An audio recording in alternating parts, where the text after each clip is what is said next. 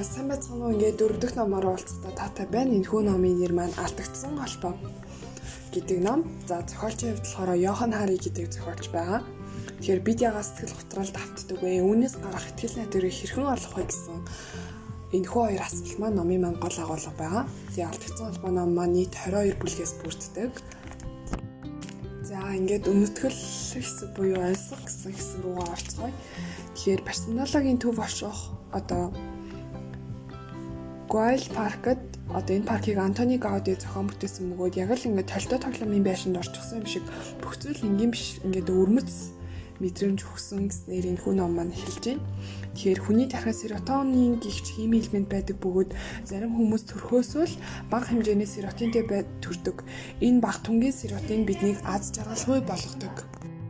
За тэгэхээр сэтгэл готрол хүнээр хүний генээр бас дамжих боломжтой байдаг.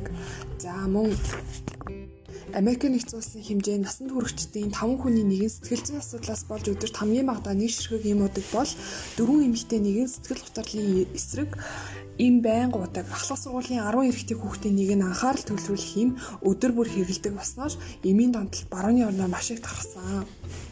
Францчуудын 3 хүн тутмын нэгэн сэтгэл зүйн өвчлөлөөс шалтгаалсан юм ууж байгаа. Харин Их Британи улс Европтой сэтгэл готролын эмний хэрэглээгээр хамгийн нэгдүгээрт байдаг байна.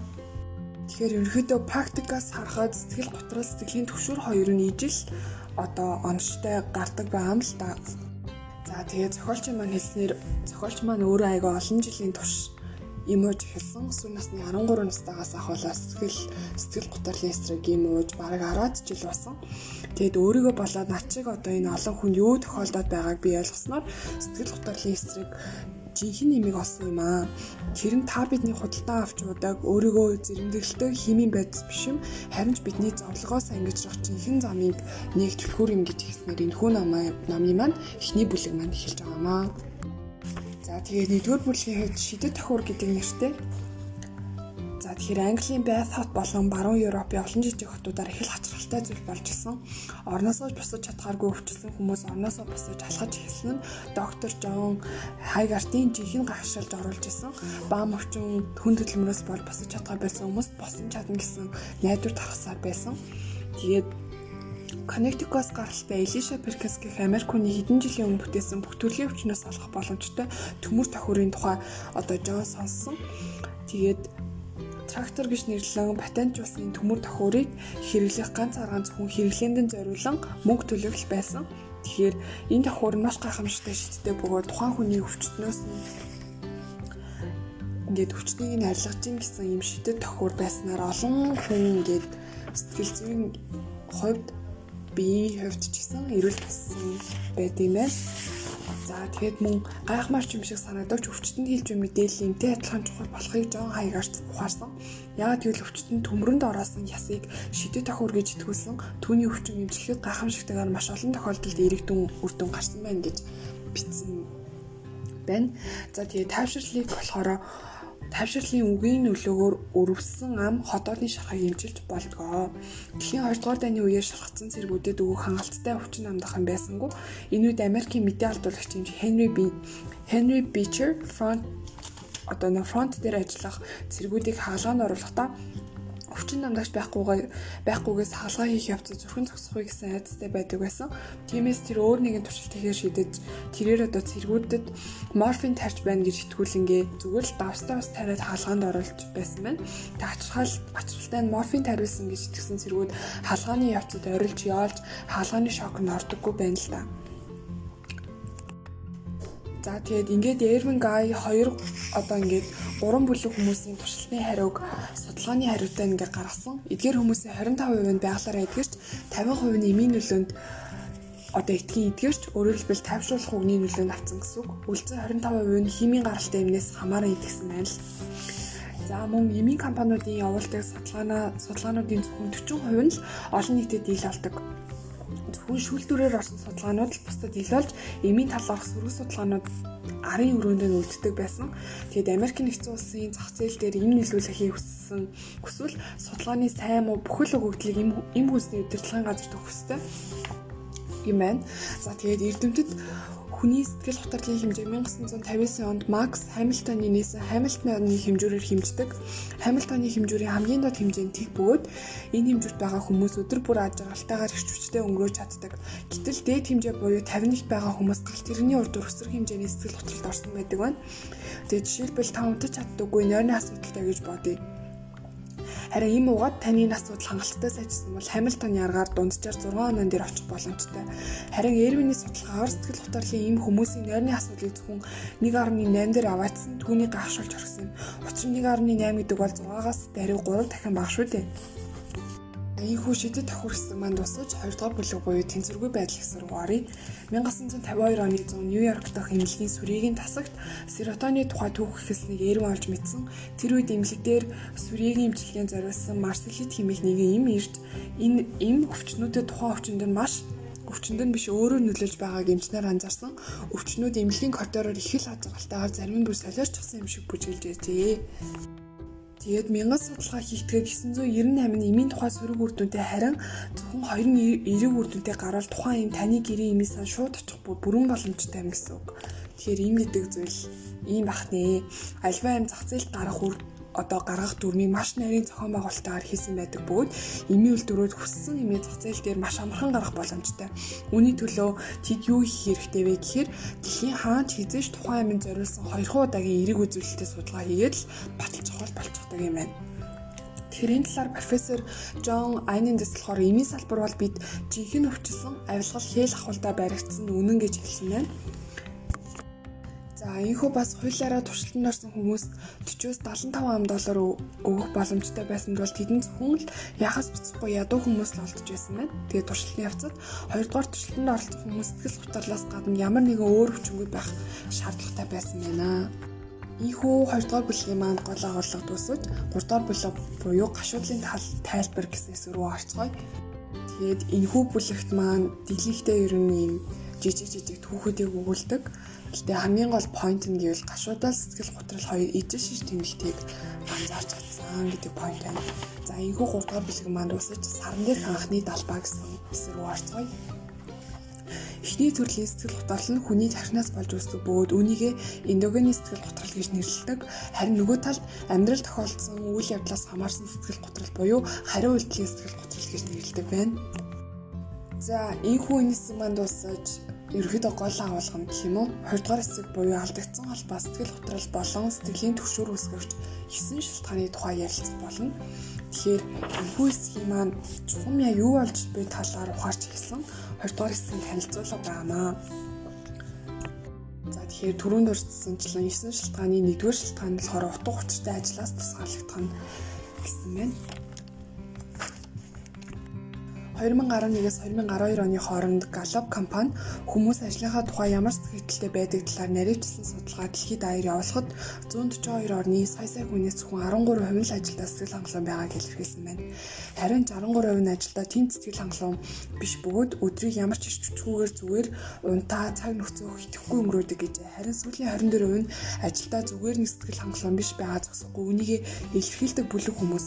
Эдгээр хүмүүс ажилдаа сэтгэл хангалуун байгаа нэмийнхээ ажлыг буруутгах судаг.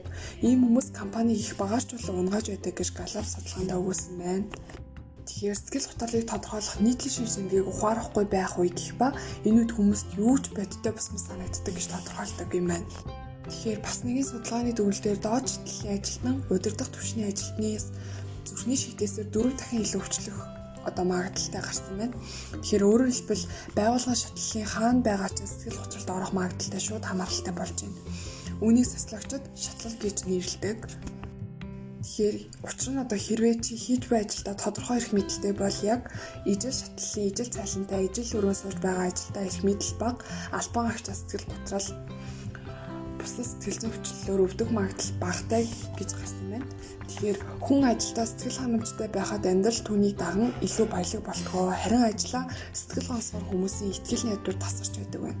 Тэгэхээр их мэдлгүй уран зориггүй байна гэдэг бий болоод сэтгэл одоо оюун ухааны өвчлөлийн гол зэвсэг юм гэсэн дүгнэлтэнд хүрчээ.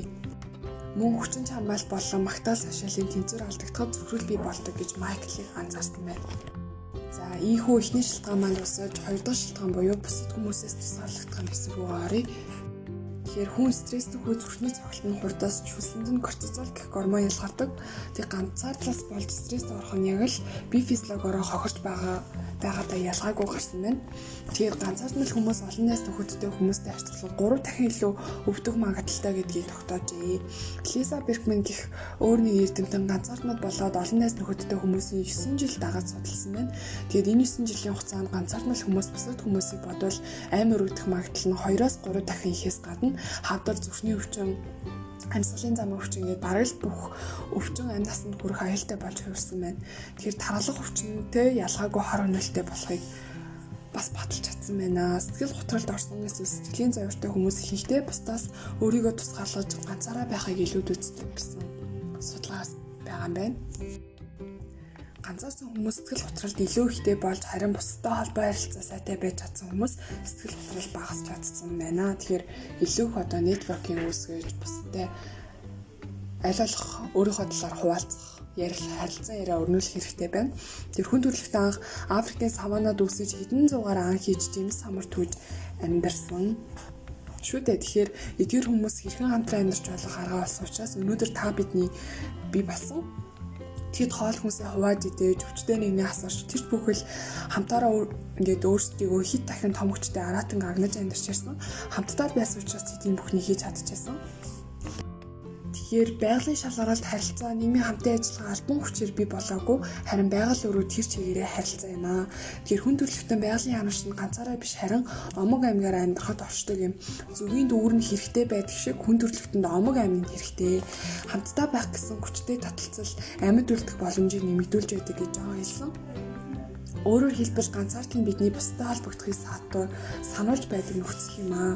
Тэгэхээр Такото Можид Хатарес гихч фундаменталист одоо жигүүрийн онош хүмүүстэй төстэй маш хаагдмал маш шашинлаг хүдэж чухал эрхэлдэг хүмүүс амьдардгийг жоо мэдэж авсан.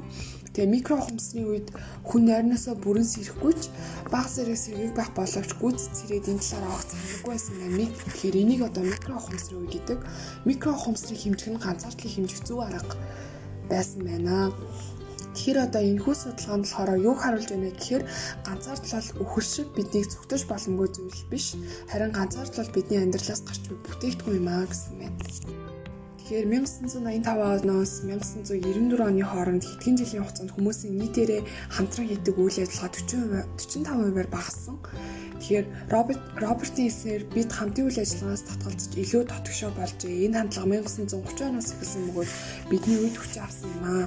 Тэгэхээр бид 20 дугаар зууны сүүлээс эхлэн гэр бүллэрээ хамтдаа байна гэдэг ойлголтоос баг багаар холцоор байгаа бас нэг сонирхолтой факт нь болохоор олноороо өссөн харахнуудаас бусдаас тусгаарлаж ганцаар өссөн харахнуудын хөхний орт хавдар тусан магадлал 84 дахин их байсан юм. Тэгэхээр судалгаа хийх олон жилийн явцад Жон бас нэгэн зүйлийг олж харсан. Ганцаар нь хүмүүсийн тархийг аппаратаар харахад тэд боломжит аюулыг 150 миллисекундээр мэдэрч харин ганцаар нь хүмүүс 2 дахин удаан буюу боломжит аюулыг 300 миллисекундээр мэдэрсэн байна. Тэгэхээр хүмүүс өөрсдөө бусдаас нэг тусгаарласан л бол үргэлжлүүлэн улам илүү тусгаарлаа байдаг. Үүнийг Жон цасан бөмбөлгийн нөлөө гэж нэрлэсэн байна. Тэгэхээр ганцаардлаас гарахад чамд хүмүүсээс гадна бас нэгэн зүйл хэрэгтэй. Чи өөртөө бас тэдэнд дутуу хүчтэй ач холбогдолтой зүйлийг хуваалцах мэдрэмж хэрэгтэй. Тэгэхээр ямар зүйл хамтдаа байгаас гадна тэр зүйлийн гол нь хоёр талд хоёуланд ч дутуу хүчтэй үнцэнтэй байх хэрэгтэй. Тэгээд хүний талаас харилцаа ганцаардлыг эдгэхгүй харин хоёр эсвэл түүнээс дэш талын харилцаа ганцаардлыг үгүй болгож чаддаг ганцаардлын зөвхөн бие физиологийнх биш харин чи хинтэй ч юу ч хуваалцах чадахгүй байгаагаас үүсдэг юм аа. Тэгэхээр Джон тархины тухай хүмүүсийн бодлыг өөрчлөх том алхам хийснээр энэ салбартаа тэргүүлж үүнийг нийгмийн нейролог гэж нэрсэн байна. Хэрвээ та 21-р зуунд барууны орнд амьдарч байгаа энгийн нэгэн хүн бол хугацаа 6.5 минут тутам мэдээлэл шалгадаг. Хэрвээ та өсвөр насны хүн бол өдөрт дунджаар 100 текст мессеж явуулдаг гэсэн тооцоолол гарсан байна. Мөн бидний 42% нь хугацаа хизээж унтраадаггүй. Шогч Марк Марн хэлэхдээ бидний сошиал ертөнцийн бичиж байгаа зүйл бүхэн хин нэгэн намайг анзаараач гэсэн гуйл хэлэх гэсэн байна. Тэгэхээр Дэлийг цэцэж бидний хамгийн чухал хэрэгцээтэй зүйлийг өгөхгүй гэж хэлсэн юм аа. Ганцаардлын тухайд олон жил судалсан эрдэмтэн Джон Касипио нийгмийн сүлжээ хязгаарч бидний нийгмийн хэрэгцээг хангаж чадахгүй гэсэн байна. Тэр хүмүүсийн өөрсдийн гэсэн омог амьгтай байх хэрэгтэй гэж биологч Ио Вилсон хэлсэн байна. Бид өөрсдөө мэдлгүйгээр өөрсдийн омог аймгаа устгасан анхны хүн төрөлхтөн ингэснээрээ би саванад ганц ганцаараа яахаа мэдгээ болж ганцаар сайн болсон юм гэж жоон бас хэлсэн байна. За ийхүү 7 дугаар бүлэг маань дуусаж утга учиртай үнсэнээс тусгаарлах юм буюу 3 дугаар шалтгаан руу орцгоё. Тэгэхээр мянган жилийн турш философчид хэрвээ хүн төрөлхтөн эд хөрөнгө их мэдлэг дэдлэн бусдад ямар харагдах дээрээ л анхаарал төвлөрүүлээд байвал аж аргал нь хийсэн одно гэж бичсэн байдаг. Энэ судалгаагаар тийм 316 оюутнаас авсан бөгөөд судалгааны дүнгээр эд материал нэр төр илүү чухал гэж үзсэн оюутнуудын сэтгэл готролд орох магадлал маш өндөр байсан байна. Тэгэхээр судалгааны дүнгээр үнэхээр л материалын зүйлийг илүү үнэлдэг хүмүүс илүү сэтгэл готролд ороо зогсохгүй өдөр тутам тэд илүү ууртай, уцаартай бас илүү хүчлэмтгий болох магадлал нь харагдсан байна. Тэгэхээр бодит мөн чанарын сэтэл буюу хүмүүс тухайн хийж буй зүйлээс ашиг хонжоо гортож биш жинхэнэ бодит үнцнийг бодож хийдэг байдал хэлээд байгаа юм л та. Гэвч нөгөө талд үнийг эсрэг сэтэл буюу гадаад хүчин зүйлсийн сэтэл хийж байгаа. Гадаад хүчин зүйлсийн сэтлийн нөлөөр хүмүүс хийж байгаа зүйлээс ямар нэгэн байдлаар ашиг хонжоо хайж байдаг. Тэгэхээр жишээ нь одоо мөнгө эрх мэдэл бусны анхаарал хэмэд хоёр бүлэг сэдвийг өмнө та бүхний өмнө мэддэг болсон. Жоо ингээ будагны дэлгүүрт ажиллагаа хийдийгээр үзэн яддагч цалингаараа байрныхаа түрээсээ төлж хуцас машин худалдаж авч түүгээрээ хүмүүс хүндэгдэж сэтгэл готролд орсон үедээ окси авч угаад л өвдөлтөө нандааж үнийг л гадаад хүчин зүйлсийн сэтэл гээд байгаа. Бидний бүгдэд ийм зүйл нөлөөсөн байдгаа. За мөн эд материал цуглуулах тусам сэтгэл готролд илүү их ордог болохыг эрдэмтдийн 22 судалгаач баталсан бол дээр цуглуулгын сэтгэлийн түвшүүр хэсэг талаар өөр 12 судалгааны үр дүн дахин баталсан байгаа. Тэгэхээр материализм бол бидний сэтгэл зүйн KFC юм а гэдэг. Материалын зүйлсийг чухалчлах тусам бусдад тогтоох харилцаа нь илүү богино бас чанарын хувьд муу болдог талаар тогтоосон байна. Хэрвээ чи хүмүүсийг ямар харагддгаас нь эсвэл тэр бусдыг хэрхэн гайхшуул байгаагаар нь үнэлэх юм бол түүнээс илүү хий нэгэн гарч ирэхэд тэр хүнтэй харилцах харилцаагаа таслахад амархан байдаг. Тэгээд бид аливаа зүйлийг ямар нэгэн үр дүнгийн төлөө хийж хэлснээр би сэтгэл амарч чадгаа болдог бардам зан яг л сэрүүл шиг гангинаж эхэлдэг байна. За тэгэхээр 3 дугаарт хит материаллог хүмүүс өөрийгөө бусдтай байнга харьцуулж хүмүүс өөрийгөө бусдад байнга харьцуулж хүмүүс миний талаар юу гэж бодож байгаа бол гэж гахаж байдаг. Харин энэ бодол тэднийг өөрийнхөө жинхэнэ бодит хүнээс цоцчлол хүргэж байгаа мөсөн зүйлийг нь хэлж чадахгүй төрөгдөг. Тэгэхээр материалын байдал хүмүүсийг өөрсдийгөө хянах боломжгүй эмзэг байдалд хүргэдэг байна. Тэр хүн төрөлхтөнд бусдаагаа холбогдох, үнэлүүлэх баталгаатай байх, эрхчлөөтэй байх, сайшаагдах, дэлхийн ертөнцид ямар нэгэн байдлаар өөрчлөлт хийж байгааг мэдрэх мэд байгалийн хэрэгцээ байдаг. 1978 он энэ талаар судалгаа явагдсан. Тэр судалгаанд 4-5 насны хүүхдүүдийг оролцуулан хоёр багт хувааж эхний бүлэг хүүхдүүдийг тоглоомны хоёр зар цэцэрлэгааг үзүүлж харин хоёр дахь багийн хүүхдүүдэд зар цэцэрлэгаа үзүүлсэнгүй. Зарын дараа хүүхдүүдийг нийлүүлэн сурталчилгаан дээр байсан тоглоомоор тоглож байгаа хүүхэд рүү зааж чи тоглоомоор энэ хүүхэдтэй хамт тоглож болно. Гэхдээ энэ хүүхэд заахан дээрлэхүү зантай. Хэрвээ дээрлэхүү хүүхэдтэй тоглоомооргүй байгаа бол тоглоомгүй ч гэсэн дээрлэхүү биш хүүхэдтэй тоглож болно гэж хэлжээ. Харин зар цэцэрлэгаа үзсэн ихэнх хүүхэд хүүхдүүд дээрлэхүү зам үл хамааран тоглоомтой хүүхдтэй тоглож зар цэцэрлэгааг үзээгүй хүүхдүүд тоглоомтой тоглоомгүй хүүхдүүдэд тоглож ирсэн. Өөрөөр хэлбэл зар цэцэрлэгаа хүүхдүүдийг сайн хүүхдтэй тоглохын оронд муу хүүхдтэй тоглох шийдвэр гаргахад нь нөлөөсөн байна. Яагаад гэвэл тэдний тархинд тэр тоглоом чухал гэдгийг зар цэцэрлэгаа хийж чадсан байна. Илүү хөрөнгийг зар цэцэрлэгаан зарцуулах тусам өсвөр насныхан илүү материалыг болж байгааг олж мэдсэн байна. Зарц туршлагаа сайн байвал хүмүүс тухайн бүтээгдэхүүнгээр хинч биш мэс сэтгэл төрдгөө. Ялангуяа хүүхдүүд их мэдрэмтгий байдаг. Тэдний сэтгэл зүйдээр тоглолт хийх маш амархан. Тэгэхээр хүн ёсны харьцаанаас холдож материалын байдлаа нэмэгдүүлсэн учраас давхар шаналж байгаа юм байна л да хүн төрөлхтний хувьд. Бид өөрсдөө материалын байдлаас татан гаргах хэрэгтэй гэж тийм өөрөө хэлсэн байна. За ийхүү 9 дугаар бүлэг рүүгээ оръё. Шилтгаан 4 хүүхэд насны цэцэрлэг шалтгаалan өөрийгөө тусгаарлах хэсэг. Тэгэхээр эдгээр хүмүүс хамгийн түрүүнд калиум, магний дутагдсанаар зүрхний хэмээ үйл ажиллагаа алдагддаг. Хэрвээ чиний бие хангалттай өвөгтэй бол ургийн дутагдал болж амьсгал ураа хүртэл магний каль хэрэглээд хэдэн сар амьд байж болох юм. Хэрвээ бие чинь хангалттай өвөгтэй бол та витамин С эсвэл өөр витамины дутагдлаас болж амьсгал ураа хүртэл нийжил амьдрах боломжтой. Тэгвэл та жилийн дотор 136 кг хэмжээ хаяа зөксөхгүй цаашид амьдарсаар байх болно гэдгийг Винсент олсон байна. Тэгэхээр одоо бага наснасаа таргалтанд өртсөн хүмүүсийн хувьд одоо энэ талаар илүү ингээд судлахаар нийт хүчний 55% нь ямар нэгэн байдлаар хүчрхийл тавтаж байсан дүн гарсан байна. Судалгаанд оролцсон маш олон бүсгүүчүүд тэдний гомдоо зовоох эрэгтэй хүмүүсээс өөрийгөө хамгаалахын тулд өөрийн мэдлгүүдийг нэмж хит тарган байх нь бусад хүмүүсийн анхаарлын төвөөс гарах тэднийг гарцуулжээ. Нэгдүгээр одоо хүмүүс өөрсдөө бэлгийн хүчирхийллээс хамгаалахын тулд харгалж байлж махлаг байхад эрэгтэй хүмүүсийг хараан төртөг нь бага учраас илүү аюулгүй. Хоёрдугаарт хүмүүс бие биедрийн хувьд өөрсдийгөө хамгаалахын тулд жин нэмдэг байжээ. Жишээ нь судалгаанд оролцсон шоронгийн хоёр харгалзагч 50-70 кг хасаад хоригдлуудын дунд алхахдаа илүү эмзэг болсон байлаа. Тэд шоронгийн ханандууд алхахдаа хориглоодын дунд илүү өөртөө ихтэй байхын тулд хөргөгчийг том битэй байх хэрэгтэй гэж ярьжээ. Тэгэхээр чинь нэмэх нь маш олон хүмүүсийн хувьд нийгэмд өөрийгөө үл үзэгдэж болгохны шалтгаан байдаг. Хит харгалалт нь асууж буй гал биш харин утаан юм аа. Тэгэхээр дүнэлтээр хэрвээ хин нэгэн хүүхэд одоо ингээд нэгэн хүүхэд байхдаа ямар нэгэн хүн нөхцөл эсвэл дарамтад орж байсан бол насанд хүрээ сэтгэл хөдлөлд орох магадлал маш өндөр гарсан байна. За ийхүү 9 дугаар бүлэг манд дуусаж шилхэн та буюу хүндлэл нийгмийн байр сууриас тусгаарлагдахнаас руу гарцгаая. Тэгэхээр бас нэгэн сонирхолтой фактын хувьд эмэгтэй байбын ширэнгэн ойдох өөрийн байр сууриас суурийг ихээс өглөж авдаг. Яг л дунд зууны үеийн дээд зэндааны англи иршиг. Харин эрэгтэй байбын өөрийнхөө байр суурийг бусад эрэгчтэй тулдаж байж болдог байна. Тэгээ ачаалттай зүйл нь юу вэ гэхээр хинээч хүндлэгдэж хайрлагдхаа болж бүхнийг бүхнээс хойшоо түлхэгдсэн байдгүй яг л сэтгэл готолд орсон хүнтэй адилхан үйлдэл гаргадаг. Тэд толгой биеэ бүхэлдэн доошоо гудайлган бүх эрч хүчээ алдаж хоол идгэж болж хажууд нь хин нэгэн төхөн ортоход нүрээ буруулсан холддог байна. Тэгэхээр бидний үеэл бабинд хоёр тохиолдолд маш их стресстэй батлагдсан. Нэгдүгээр нь тэдний байр суурь ганхахад Өрөө олон Соломоны байр суурийг эзэлсэн шиг хоёрдугаарт нь яг л Жоб шиг тэдний байр суурь доор байх үед Тэгэхээр Ричард хүн төрөлхтөн энэ асуудал маш хэмзгээр хандаж тэнцвэргүй байдал их байх тусам хизээ зүгтэж чадгааргүй хавханд баригдсан мэт мэдрэмжийг авдаг ажээ. За ийхүү энэ хэсэг маань дуусаж шилтгаан 6 буюу байгаль ертөнцөөс тусгаарлагдах хэсэг рүү орцгоё. Шизофрен болон сэтгэлийн сэтгцэн өөрчлөлт гэх мэтчлэн хүн хэлбэрийн сэтгцэн өвчнөд хөдөөнийхнөөс илүү хотын иргэдэд их тохиолддог. Гэвч бид сүүлийн 15 жилийн талаар судалж байгаа. Тэгэхээр судалгааны төвлөлтөөр хөдөөнөөс хот руу нүүсэн айлууд стресс нэмэгдэж харин хотоос өдөөрөөс айлуудын стресс багассан дүгнэлт гарсан байна. Мөн ногоон байгууламжтай газар стресс багассан дүгнэлт гарчээ.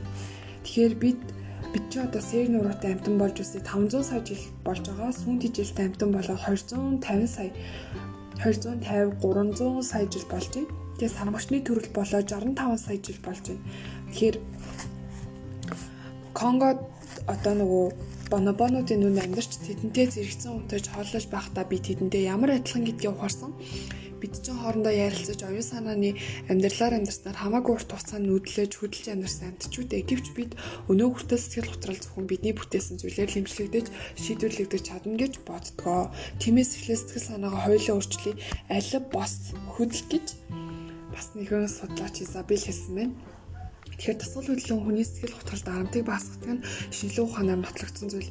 Хүүхэдч бай, насанд хүрэгчч бай дасгал хөдлөн хийдэггүй, байгальд гардаггүй л бол бие лав ив ирүүл амтан гэж тооцохгүй гэсэн байна.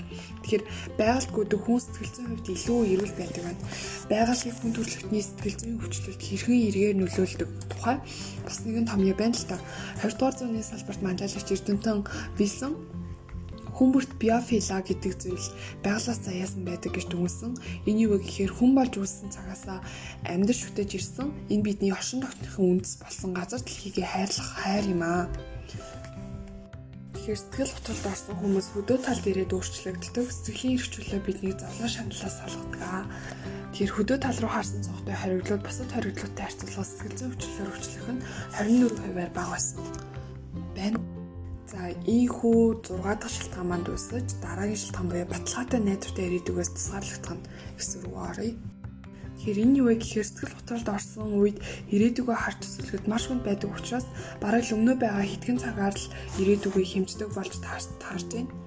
Тэгэхээр сүүлийн 20 жил ажлын байрны ийм асуудлууд Европ ТV-г бүрхсэн юм а. Америк нэгдсэн улс болон Герман улсын хүмүүсийн 20% нь гэрээгүй ажилтдаг бөгөөд тэд ажлаас ажлын хооронд амьдардаг. Тэгэхээр их хүмүүсийн баталгаагүй баталгаатай ирээдүй баг багаар үгүй болж байгаа. Харин бидэнд үүнийг эрхчлөө гэж бодон бод хэмээс сургаж байна гэсэн байна. Ийхүү 7 дугаар шилтгаан манд дуусаж 8 болон 9 дугаар шилтгаан тархины өөрчлөлт генийн жинхэнэ өрөг гэсэн хэсэг рүү орцгоё. Тэгэхээр тархиа яаж ашиглан тархи тгийж л өөрчлөгдөнө. Хүний тархи хэрэгцээ хэрэгцээтэйгээ нийцэх өөрчлөлтийг байнга хайж байдаг. Хэрэглэгдэхгүй байгаа хэсгийг хааж хэрэглэгдэж байгаа хэсэг нь байнга өсөж өөрчлөгдөж байдаг. Жишээ нь хүүхдийг хав арахгүй газар өсгөвөл түүний тархи хараатай холбогдох хэсгийг хааж өөр хэсэгт анхаарлаа илүү хандуулж эхэлнэ. Сэтгэл зүйн болоод би хоорондоо байнга холбогдож байдаг тархины эрентгэн бол хөдөлж байгаа амьдралын нэг хэсэг юм аа дэлхийн ертөнцөөс чамд ямар мэдээлэл өгч байна тарих түүний дагаа өөрчлөгддөг гэж Марк хэлв. Тэгэхээр ганцаардал тусгаарлагдмал тусгаарлагдмал байдал эсвэл материалын зүйл шуных нь бас л бидний тархиг өөрчилнө. Эргээд энээс гарах нь дахиад бидний тархиг өөрчилнө. Эрдэмтэн Джон Кассиопигийн энэ байдлыг цэсэн бөмбөг гэж нэрлэн тайлбарлсан. Тэгэхээр амьдралын үйл явдлаас шалтгаалж бий болсон шанал хүний тархинд маш удаан байх боломжтой. Үүнийг ямар нэгэн байдлаар шахаж хөөж гаргахаас нааш тэд тархины нэг болон чимээгүй нуугцаар байдаг. Тэгэхээр ерөнхийлөгч асан Джон Кеннедигийн хувьд эх орон маань миний төлөө юу хийж чадах вэ биш харин би эх орныхоо төлөө юу хийж чадах вэ гэж өөрөөсөө асуух хэрэгтэй гэсэн байдаг. Харин сэтгэл зүйч Мессийн болон Кеннедигийн толгойд Кеннедигийн одоо энэ үгнээс санаавч хэлсэн болохоор толгойд чинь юу байгааг асуухын оронд толгой чинь юун дотор байгаагаа асуу гэсэн байна. Тэгэхээр хоорондоо яг ижил ихрүүд болон хоорондоо төстэй хэр хүмүүсийн судалгаанд оруулсан. Тэр яг ижил ихрүүд нэг өндгийн эсээс үүсдэг учраас гений хэвд илүү төстэй. Тиймээс яг ижил хэрүүд яг адил улаан устай, яг адил донтолттой байвал хоорондоо төстэй хэрүүдээс илүү генерээ адил байна гэж үзэж болно. Ингээд үндсэн эрүүл мэндийн институтээс гаргасан судалгаагаар ихрүүдийн сэтгэл готрол 30%, хүн залбирын сэтгэл готроос цэцгийн түвшүүр нь 30-аас 40% байж харин биеийн өндөр 90% өөр хэлээр ярих чадвартыг тус ижил байж таарсан байна. Тиймээс сэтгэл готролд генээр дамжиж болох юм гэсэн дүгнэлт гаргажээ. Гэхдээ энэ бас нэг анхаарах зүйл байдаг. Тэд судалгаагаар 5 NTT гэдэг ген сэтгэл хөдлөлтөй холбоотой болохыг тогтоосон. Гэвч бид бүгд генээр дамжуулан янз бүрийн зүйлөө өвлөж авдагч тэдгээр генүүд бидний амьдралаас шалтгаалсан сэтэрдэг байна. Тэгэхээр профессор Роберт а Сапоски генетикч одоо Авлашом Каспигийн судалгаагаар тайлбарлахдаа хэрвээ чи 5 NTT генийг өглөн төрсөн бас сэтгэл готролд амархан өртөнд хийх гэсэн үг юм аа. Тэгэхээр энэ ген нь болохоор мэдрэмтгий байдлыг аюул хийх хэсэгдэг байна. Тэгэхээр хариу үйлдэлийн сэтгэл готрол гэж нэрлэдэг байгаа амбуу би физиологоос болж үүссэн байгааг нь энерогены сэтгэл готрол гэж нэрлэдэг байгаа штэ. Тэгэхээр эмэгтэй хүнд нөхөр гэр орон машин хүүхдээс гадна эрх тэгш байдал утга учиртай ажил биедан авч явах чадвар их чөлөө хэрэгтэй байгаа юм л та.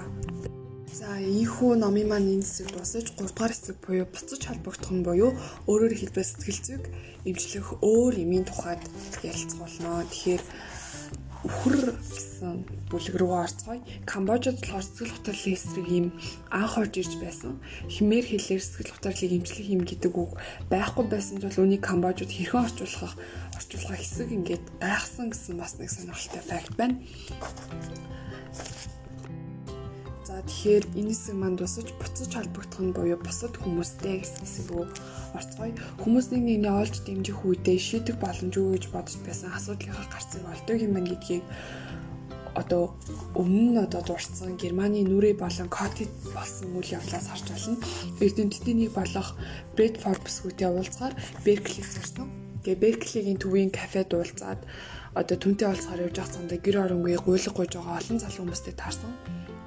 Тэгэхээр барууны орныхоос сэтгэлгээ болон Азийн ихэнх орны хүмүүсийн сэтгэлгээ тодорхой зүйлүүд дээр өөрөөр байдаг. Энэ талаар олон жижиг судалгаанууд явагдсан. Жишээ нь олон хүмүүсийн өмнө зогсож байгаа залуугийн зургийг барууныханд харуулбал тэдний хамгийн түрүүнд анхаарал хандуулах зүйл бол ганцаараа зогсож байгаа залуу. Хариу энэ зургийг хитэж уулчтад үзүүлвэл тэд хамгийн түрүүнд цаана байгаа олон хүмүүсийн зургийг заагаад хамгийн сүүлд нь л нөгөө ганцаараа байгаа залууг анзаарах бах. Эсвэл олон гоногтой хүүхдүүдээр хүрээлүүлэгдсэн инээж байгаа охины зургийг одоо барууны хүүхдүүд үзүүлвэл энэ охин гоногтой байна уу, ажралтай байна уу гэвэл тэд охиныг ажралтай байна гэж хариулна. Харин Аз хүүхдүүд охиныг гоногтой байна гэж хариулна. Яагаад гэвэл барууны хүүхдүүдийн хувьд бие хүнийг олон хүнээс ялгаж харахад асуудал байдаггүй. Харин Аз хүүхдүүдийн хувьд ганц хүүхдийг бусдаас нь ялгаж харна гэдэг бараг л боломжгүй хэрэг. Тийм ч учраас бусд нь гонигтай байвал тэр хүүч гэсэн гонигтай байж таараа. Тэгэхээр өөрөөр хэлбэл барууны орнуудад хувь хүн гэх үзлийг илүүд үздэг бол Азид амьдралыг хамтаар харах үзлийг хамгаалдаг. Тэгэхээр зөвхөн би би гэж бодох нь бидний зөвхөн ойлгохгүй амтан болоход л тос болдог. Зөвхөн би гэсэн бодлоос салж бид гэсэн бодолд өөрийгөө хөтлөх хэрэгтэй. Би биш бид болоо бусад хүмүүстэй хамтар холбогд жинхэнэ хажуугаар бидний зөвхөн өөрсдөө гэх хүслээс салж өөрийн түүхийг бусдад хуваалцаж бусдын түүхийг сонсож хамтран бүтээлцэж хизээч чи ганцаараа гонигтай байж эсвэл ганцаараа баатарлаг зүйл бүтээсэн биш юм гэдгийг ухамсарлахаас эхэлтгээ сэтгэл зүйн асуудлаа хинтээж хуваалцахгүйгээр ганцаараа шийдвэрлэх гэж оролдох сэтгэлгээ нь сэтгэл зүйн гутралыг бий болгож буй хамгийн ихний хүчин зүйл байсныг ойлгох хэрэгтэй. За мөн доктор Жин Кетис одоо манай зохиолч Йохан Хари хоёр нь энэ хэвдэ хамгийн ойр байрших хот Форт Венесээс 200 гаруй явж Элкарт Лагранж гих амиш тосгон ирв. Жим одоо сэтгэл судлаач бөгөөд хууль зөрчсөн амиш хүмүүсийн сэтгэл зүйн талаар олон жилийн турш судалсан учраас тэнд байгаа хүмүүс бүгд л Жимийг таньдаг. Тэгэд ингээд тэр хоёр болохоор тусмаар алхаж эхэлсэн. Тэнд хаа сагвалмаар байх уу эмэгтэйчүүд нь бүгд өвгдээсэн 300 жилийн өмнө өмсөж байсан хувцастайгаа яг адилхан хувцас өмссөн байв. Тэд их Америкийн нэгдсэн улсад л эрэхтэй христийн шишний үзлэр хамгийн энгийн амьдралаар амьдарч энэ үзэлтэнд сүргээр нөлөөлөх альва хөгжлийн няцаах бодлоготойгоор амьдарсаар ирсэн. Энэ үзэл нь өнөө хүртэл тэдний амьдралын гол суурь болсоор иржээ. Тэд интернет үеийн машингүй бидний өдөр тутамдаа хэрэгэлдэг бүтээтгүүнийг тэд хэрэгэлдэггүй. Тэд герман хэлнээс гаралтай хэлээр ярьж өөрсдийн гэсэн сургуулийн систем Америк нэгдсэн улсын бодлогоос өөр бодлогыг дотроо баримталж амиш биш хүмүүстэй бараг л харьцдаггүй. Тэгэхээр би баг багтаа ортодокс еврей хүмүүсийн тусгантай ойр амьдардаг байлаа гэсэн маань манай Йохан Хари. Тэгээд тэд амиш хүмүүстэй зарим талаараа ижил тэдний харах бүртээ одоо Йохан Хари хүмүүс яагаад ингэж амьдардаг байна гэж асуудаг байлаа. Харин том болох тусмаа орчин үеийн хөгжлийг эсэргүүцдэг бүлэг хүмүүсийг хоцрогцсон амьтад л гэж үздэг байлаа.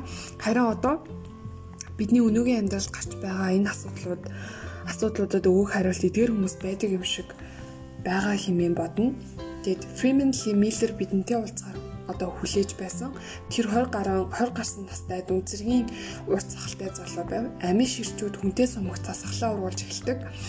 Ярьж бараг л эхлээгүй байгаа тэр тэр тэнд харагдаж байгаа ногоон дэвртэй байшин руу зан тэнд өсснөө хэлв.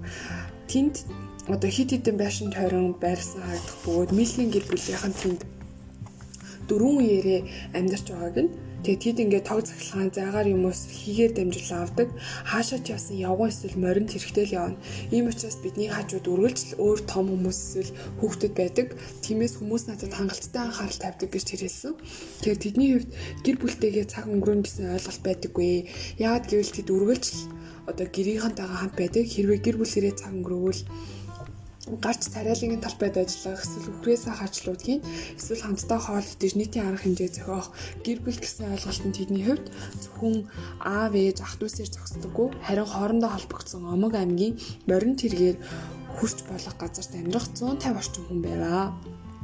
Тэгэхээр тэдэн тусгаас хүмүүж байдаггүй бүр нэм гараг бүр хин нэгний очиж залбирлаа үлдэн. Тэдний хувьд ахлагч гэж байдаггүй өөрсдийнхөө ээлж ээлжээрээ нэм гараг бүр өөр өөр хүн залбир үлднэ. Тэгэхээр манайх энэ гараг энэ юм гарагт залбиралтай гэж хэлв. Тэнд одоо миний ойр ойр дотны гэр бүлийнхнаас гадна сайн таних хүмүүс бас тийм сайн танихгүй хүмүүс ирнэ. Бидний хувьд хамтдаа байж бусдтай амьдралаа хуваалцсан хамгийн чухал зүйлсүүд энийг гэж бас хэлсэн. Тэгэхээр амиш хүмүүс 16-наас хүрээд амьдралынхаа аялалд гардаг. Тэд өөр ертөнцид очин өөрийнхөө амиш ертөнцийн талаар илүү ойлгох тайлбарлах чадвартай болдог. Тэд үнийгээ одоо Румс Румс Румспиринга гэж нэрлэх бөгөөд тэд гадаад ертөнцөөс дунджаар 2 жил амьдардаг. Энэ хугацаанд тэд амиш биш байж, арх хууж, тайвшрах клубд орж, милэр юутай ч орж ингэж үдсэн байна л да. Утас интернет хэрэглэж болно. Харин энэ хугацаанд дуусгаад сонголт хийх хэрэгтэй болдог.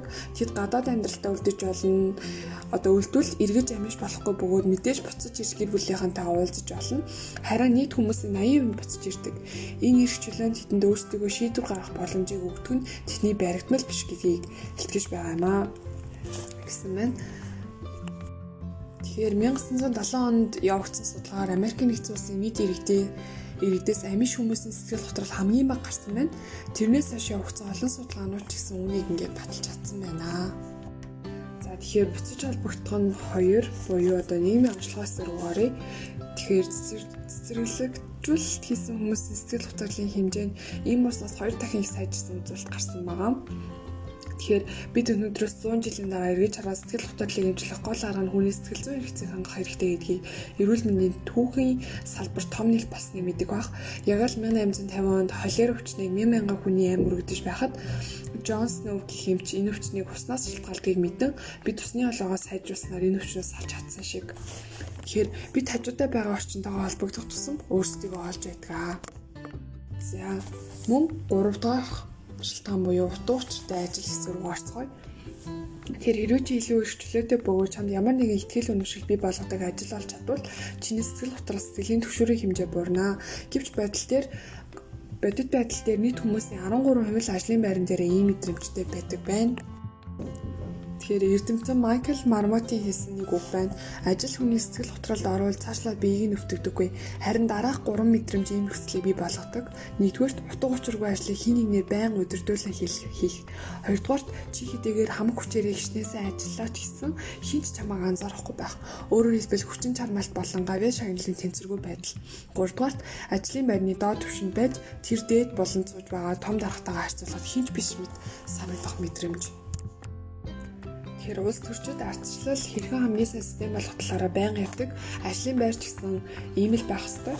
Тэг Корнелийн сургуульд 320 жижиг дүн жижиг дүн бизнесийг хамруулсан судалгаа явагдсан. Тэг тэдгээрийн хагас нь дээрээс доош удирдах гэсэн хуучин арга барилаар ажиллаж байхад нөгөө хэсэг нь хүмүүст ижил тэгш боломж олгодог арга барилаар ажилладаг байв. Тэгэхээр судалгааны дүнгээр ижил тэгш арга барилаар ажиллаж байгаа бизнесэд хуучин арга барилаас ажиллаж байгаа бизнесээс дөрөв дахин илүү өсөлттэй ажиллагдсан байна. Тэр ажиглал гэдэг нь өөрөөсөө өөр хин нэгэн сэтгэлээсээ тус өрхөж үр шимийг нь хүртэх явдал юм аа. За энэхүү 19 дугаар бүлэг болон хутга учиртай үнцний хувьд юу вэ гэхээр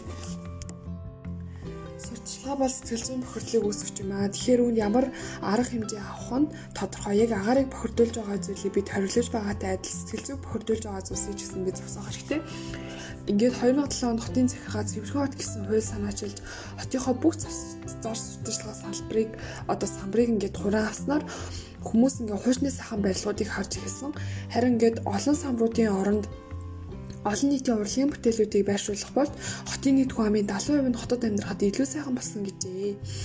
Энэ болохоор Сан Пауло, Бразилийн Сан Пауло хотын нэг жишээ.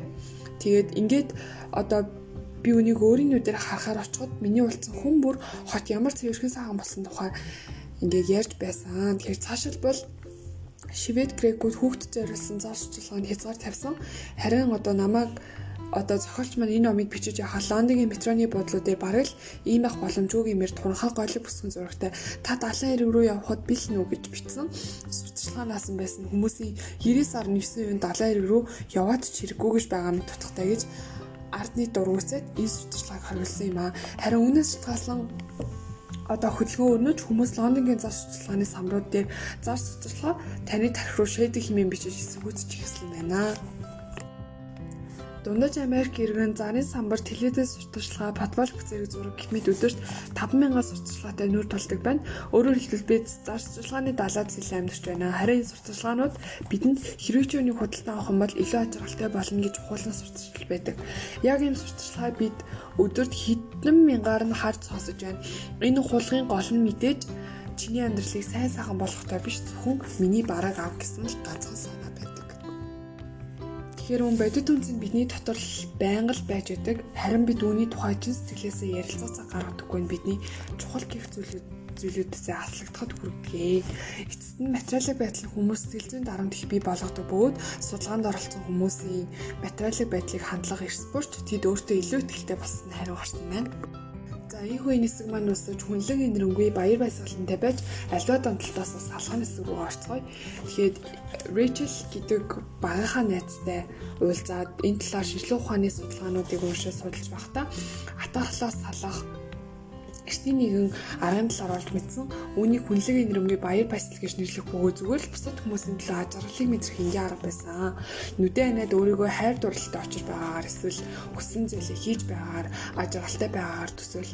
Тэгээд мэдэрч байгаа ажиглалаараа оюун ухаанаа дүүрэг дараа нь өөрийн хайртай хин нэгэнд сайхан сайн сайхан зүйл тохиолдож байгаагаар төсөөл тэгээд түүний ажиглалыг хуваалцаж түүний өмнөөс ажиглалтай байгаагаар өөрийгөө төсөөл үнийг оюун санаандаа мэдэр дараа нь сайн мэдэхгүй заримдаа таралтдаг хин нэгэн сайн сайхан зүйл болж байгаагаар төсөөл түүний ажиглалыг мэдэрч түүний өмнөөс баярлах хэрэгтэй. Тэгэхээр иймэрхүү бясалгалыг өдөрт 15 минут хийн Эхлээд энэ дасгал Рэйчелд дугуй санагдаж байсан ч хэсэг хугацааны дараа өөрчлөлт нь гарч байгааг мэдэрч эхэлсэн байна. Тэгээд түүний өдөр бүр мэдэрдэг байсан атаархлын сэтгэл баг багаар арилж байгаа мэт санагдсан байна. Тэгэхээр бид өөрсдөөсөө асуух хэрэгтэй. Яагаад бид татаархалд хамаг ирч хүчээ зориулах ёстой гэж сэтгэл хөдлөлт орсон хүмүүс 8-7 хоногийн бясалгал үр дүнгөө сэтгэл хөдлөлөөс салж чадсан байна. Тэгэхээр бясалгал цуцсан хүмүүсийн 38% нь буцаа сэтгэл хөдлөлт орж байсан бол бясалгал цуугаагүй ажиглалын ажиглалтын дор байсан хүмүүсийн 58% нь эргээд сэтгэл хөдлөлт орж байгаа судалгаан дээр гарсан. Мөн дахины судалгаагаар хүүхэд насндаа ямар нэгэн цэцгэлд орсноос орноос ингээ орсноосоо болж сэтгэл хөдлөлт орсон хүмүүс бясалгал 10%-аар илүү нөлөөлж байжээ. Тэгэхээр харин үр дүнгээр одоо бясалгал хийсэн хүмүүс бясалгал хийгээгүй хүмүүсээс үнээр хоёр дахин илүү бусдад туслах хүсэлтэй болсон байв.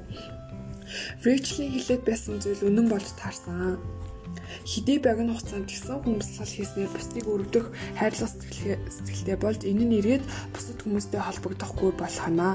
Бяцлал хийх нь 15 минутын хугацаанд чи насан туршдаа өдөр бүр аж аргалтай байх үнцийг суулгаж байгаа юм гэж рэйчилсэн. Тэгэхээр сэтгэл хөдлөлийг би би физиологийн сэтгэл зүйн мөн нийгмийн гэсэн гурван шалтгаанаас бол би болдог тухай өмнө нь дурдсан. Тэгэхээр залбирал үлддэг хүмүүсийн сэтгэл зүйн гуталд орох хэвэл баг байдаг гэсэн судалгаа бас байдаг юм байна. Тэгэхээр олон жилийн турш өдөр доотлон нэг цаг бясалгадаг хүмүүсийн бясалгалын хамгийн оргил зэт хүрэхтэй одоо одоо физиологийн гэдэг ууж туршилтанд орсонтай ижил мэдрэмж төрдөг талаар ярьсан байна. Тэгэхээр чиний бардамзаан чиний нэг хэсэг болохоос биш чи бүхлээрээ биш үү дээ гэж бас энэ хүн номанд хэлсэн байна. Джон Хопкинсийн их сургуульд одоо судалгаа явуулсан Bill Richards сэтгэл готрол бол нэг талаар далд ухамсарын хаалт юм аа. Сэтгэл готрол хүмүүсийн хин гэдгээ ямар их хүч чадалтайгаа мартахад хүргэдэг. Сэтгэл готролд орсон хин хүмүүс зөвхөн өөрснийгөө шаналлаа эсвэл болохгүй байгаа зүйлээр боддог. Тэд хүүхд тэнгээр өнгөгийн цэцэгсийг мартсан байдаг гэж хэлсэн байна. За энэхүү 21 дугаар болог буюу хүүхэд наснд тохиолдсон зочлоос чөлөөлөгдөн гэсэн хэсэг рүү орцгоё. Тэгэхээр эхний зорилго бол эдгээр хүмүүс тохиолдсон явдлыг таньж өөрөөр нь яриулахад орчноо. Энэхүү энэхүү судалгаанд ажиллагдсан зүйл нь эдгээр хүмүүс хүүхэд байхад нь яг юу тохиолдсон талаар бараг л албаар мартаж орхисон байдаг. Тэгээ хоёрдугаар талаар тэр хүмүүс өөр тохиолдсон энэ явдлыг итгэж болох хүндээ ярьснаар хинээрч доглуулж хинт ч гутаанд оруулахгүй гэж бодсон байдаг. Харин хэдэн сар судалгаар үргэлжлсэний дараа хариун гарахад өөрсдөд тохиолсон хүнд байдлын талаар ихтгэл авах үсэнтэй ярилцсан өвчтнүүдийн эмнэлэг буцан ирэх нь 35%-аар буурсан байна. Тэгээд доромжлол, басамжлал, чүүртэй байдлын сэтгэл хөдлөлийг бий болгох том алхам болсон байна тухайн алдвартай бусдад энэ тухайга хэлдэггүй хаалттай хүмүүс нөгөө талаар түүнийгээ бусдад хэлж чаддаг нээлттэй хүмүүс яг ижил имжлэгийг хэлгсэн ч хаалттай хүмүүс нээлттэй хүмүүсээс 2-оос 3 жилийн өмнөөс бардаг гэсэн судалгаа байдаг. Өөрийгөө ичгүүртэйгээр бодон бусдаас нуугдгон сэтгэл хөдлөлөөр сэтгэл хөдлөлийг илүү их бий болгож байдаг. За ингээд хамгийн эцсийн бүлэг болох ирээдүгээ дахин бий болгох юм гэсэн хэсэг рүү орцгоё. Тэгэхээр ядуурл байх тусам хүмүүсийн сэтгэл хөдлөлтүүдийг нийт орсож байсан судалгаа ажиллагдсан байна. Тэгээд мөн хүмүүст хамгийн их дарамтыг болгодог ажлууд хамгийн их өөрчлөгдөх шаардлага бий болдог юм аа гэдгийг хэлсэн байна. Жишээ нь Америкийн уугуул 8000 иргэдээс бүрдсэн нэгэн аймаг байж тэд өөрсдийн амьдарч байгаа газартаа казино нэхэр шийджээ. Харин казиногоос олсон орлого тэнхийн бүх хүмүүстэй тэнцүү авах шийдвэр гаргасан байна. Ингээд тэнхгийн хүмүүст жил эхлээд 6000 ам доллар авч байснаа дараа нь 9000 ам доллар болж өссөн байна. Үүнийг гаднаас харсан хүмүүс утгагүй зүйлгийг шилж байсан ч үүнийг одоо хэрэгжүүлснээр тэдний амьдрал том өөрчлөлт гарсан байна. Эцэг эхчүүд хүүхдүүдийнхээ цагийг хамтдаа өнгөрөөж дарамтанд орох нь багассан. Хүүхэд насны сэтгэл зүйн готрол анхаарлаа төвлөрүүлэх чадваргүй болох гэмэд бусад төрлийн сэтгэл зүйн өвчлөл 40%-аар буурсан байна. Тэгээ хүүхдүүдийн сэтгэл зүйн өвчлөл ингэж буурсныг эндээс өөр хааж үзээгүй байна гэж зохиолч мань хэлсэн байна. Эцэг эхчүүд хүүхдүүдтэйгээ өнгөрөх цаг илүү болсон учраас ийм нөлөө болсон юм аа гэсэн байна. За ингээд дүгнэл буюу гэртээ харах хэсэг рүү оръё. Дэлхийн эрүүл мэндийн байгууллага 2010 11 онд гарсан дүгнэл дээрээ сэтгэл зүйн эрүүл мэндийн нийгэмдээс ашиг холбоотой. Тиймээс үүнд нийгмийн болоод хувь хүний аль альны анхаарал хэрэгтэй гэж бичсэн байна. 2017 онд дэлхийн эрүүл мэндийн өнөөдөр өдрөөр бол нүбийн сэтгэл хөдлөлийн тухай бие онгахын тайлбар нь зөвхөн энэ салбарыг дэмцэн судалгаан дээр тулгуурлаж хүний эрүүл мэндэд зөвгөр нөлөөлж сайн гэхээс илүү буруу үр дүнтэй байгаа учраас зогсох шаардлагатай. Сэтгэл хөдлөлийг үүсгэж байгаа нийгмийн гаралтай тодорхой шалтгаануудыг батлагдсан гарч ирж байхад эмийг үн зориулан ууд уудыг хэн зогсоох хэрэгтэй. Бид дахиндах химийн тэнцвэртэй байдал алдагдсан гэж хэлгээ болон харин үүний оронд хүчний тэнцвэртэй байдал алдагдсан гэж хэлэх хэрэгтэй гэж тэмдэглэсэн байна. Тэгээд чи бол ямар нэгэн ид анги нэвдэрсэн машин биш ээ. Харин хэрэгцээж хангагдаагүй амт юм. Чамд хамт байх хүмүүс хэрэгтэй. Чамд утга учиртай үнсэн байх хэрэгтэй гэсэн байна. За мөн мөнгө болон ид хөрөнгөтэй байж аж аргалтай болно гэж насан туршдаа итгэсээрээс нь буруу ойлголтоос салах хэрэгтэй. Чамд дутуу учиртай ажил хэрэгтэй, чамд ихтлийн байгаль хэрэгтэй, чамд бусдад хүндлэгдэх хэрэгтэй, чамд баталгаатай ирээдүй хэрэгтэй, чамд харилцаа холбоо хэрэгтэй, чамд хин нэгэнд дормжлогдож байсан бол үнийгээ өөрөөсөө гаргаж чөлөөлөх хэрэгтэй. Тэр чи тархиндах химийн тэнцвэргүй байдлаасаа болж шаналж байгаа юм шүү дээ. Харин чи бидний амьдарч байгаа нийгэм болоо сүнслэг байдлын тэнцвэр алдагдсанаас бол шаналж байгаа юм аа. Энэ чинь серотоны дутагдал биш харин нийгэмд ямар нэгэн зүйл дутагдж байгаагийн илрэл юм. Чиний биеийн өвчлөө сэтгэл зүйн шаналлын шилтгаан биш харин жолоодөгч юм. Чиний тарих сэтгэл зүйн өвчлөлийн шилтгаан болоод шийдвэрийг хайх газар биш юм аа. Чиний сэтгэл хөдлөлчин маш том тохио юм шүү гэсэн юм. Тэгэхээр Тэрбумаар үнэлэгдэх эмийн үйлдвэрүүд хүссэн зүйлдээ хүрсэн боловч гэвч бид бүх алдааг эмийн үйлдвэрүүд рүү шахаж бас болохгүй юм аа. Сэтгэл хөдлөлийн эм гарч ирэхээс өмнө одоо бид өөрсдөө хамгийн чухал зүйлсээс салж эхэлсэн. Бид хувь хүн гэхээс илүүтэйгээр үнцэнтэй зүйлсээ татгалзаж өөрсдөө хэрэггүй зүйл цуглуулж гарсан байна. Тэгэхээр гашуудханаас бидэнд хэрэгтэй бид хайрлсан учраас гашууддаг харин гашуудл хэсэг хугацааны дараа үгүй болох хэрэгтэй гэдэг нь бидний хайрыг бас үгүйсгэсэнтэй ялгаагүй. Гашуудл сэтгэл хөдлөл хоёр ижил тишгэл шинж тэмдэгтэй байдаг. Тиймээс дэлхийд даяар бид асуудлыг зөвхөн өнгөцгөн харж эмээр хурах биш харин жинхэнэ байдал шалтгааныг олж эмчлэх хэрэгтэй. Бид найз төхөд гэр бүл гэх мэт өөрийн хамгийн их хайрлаж хүндэтгдэг хүмүүстэй цагийг илүү хөнгөөж өөрөөсөө илүү нийгмийн асуудлуудад оролцож эхэлсэн юм одоо би дэлхий зарцуулах үзсгээ болж олон нийтийн сүнжээнд баг цаг зарцуулж намайг сэтгэл хөдлөлд оруулж болцшгүй бусад орчноос өөрийгөө холдуулж чадсанаар амьдрал минь илүү утга учиртай болсон юм гэж зохиолж хэлсэн байна. Тэгээ зүгээр л нүдэнэ тэгээд холбогд. Гиснэр энэ хүү ном маань дуусна байна. Тэгэхээр энэ хүү номын бол холбоо нь одоо яг нөгөө ковидын үед ингээ бүхэн гэрте байгаа үед яг сэтгэл готрал сэтгэл найдварын талаарх яг ингээд цагаан болсон ном байсан. Тэгээд баярлалаа.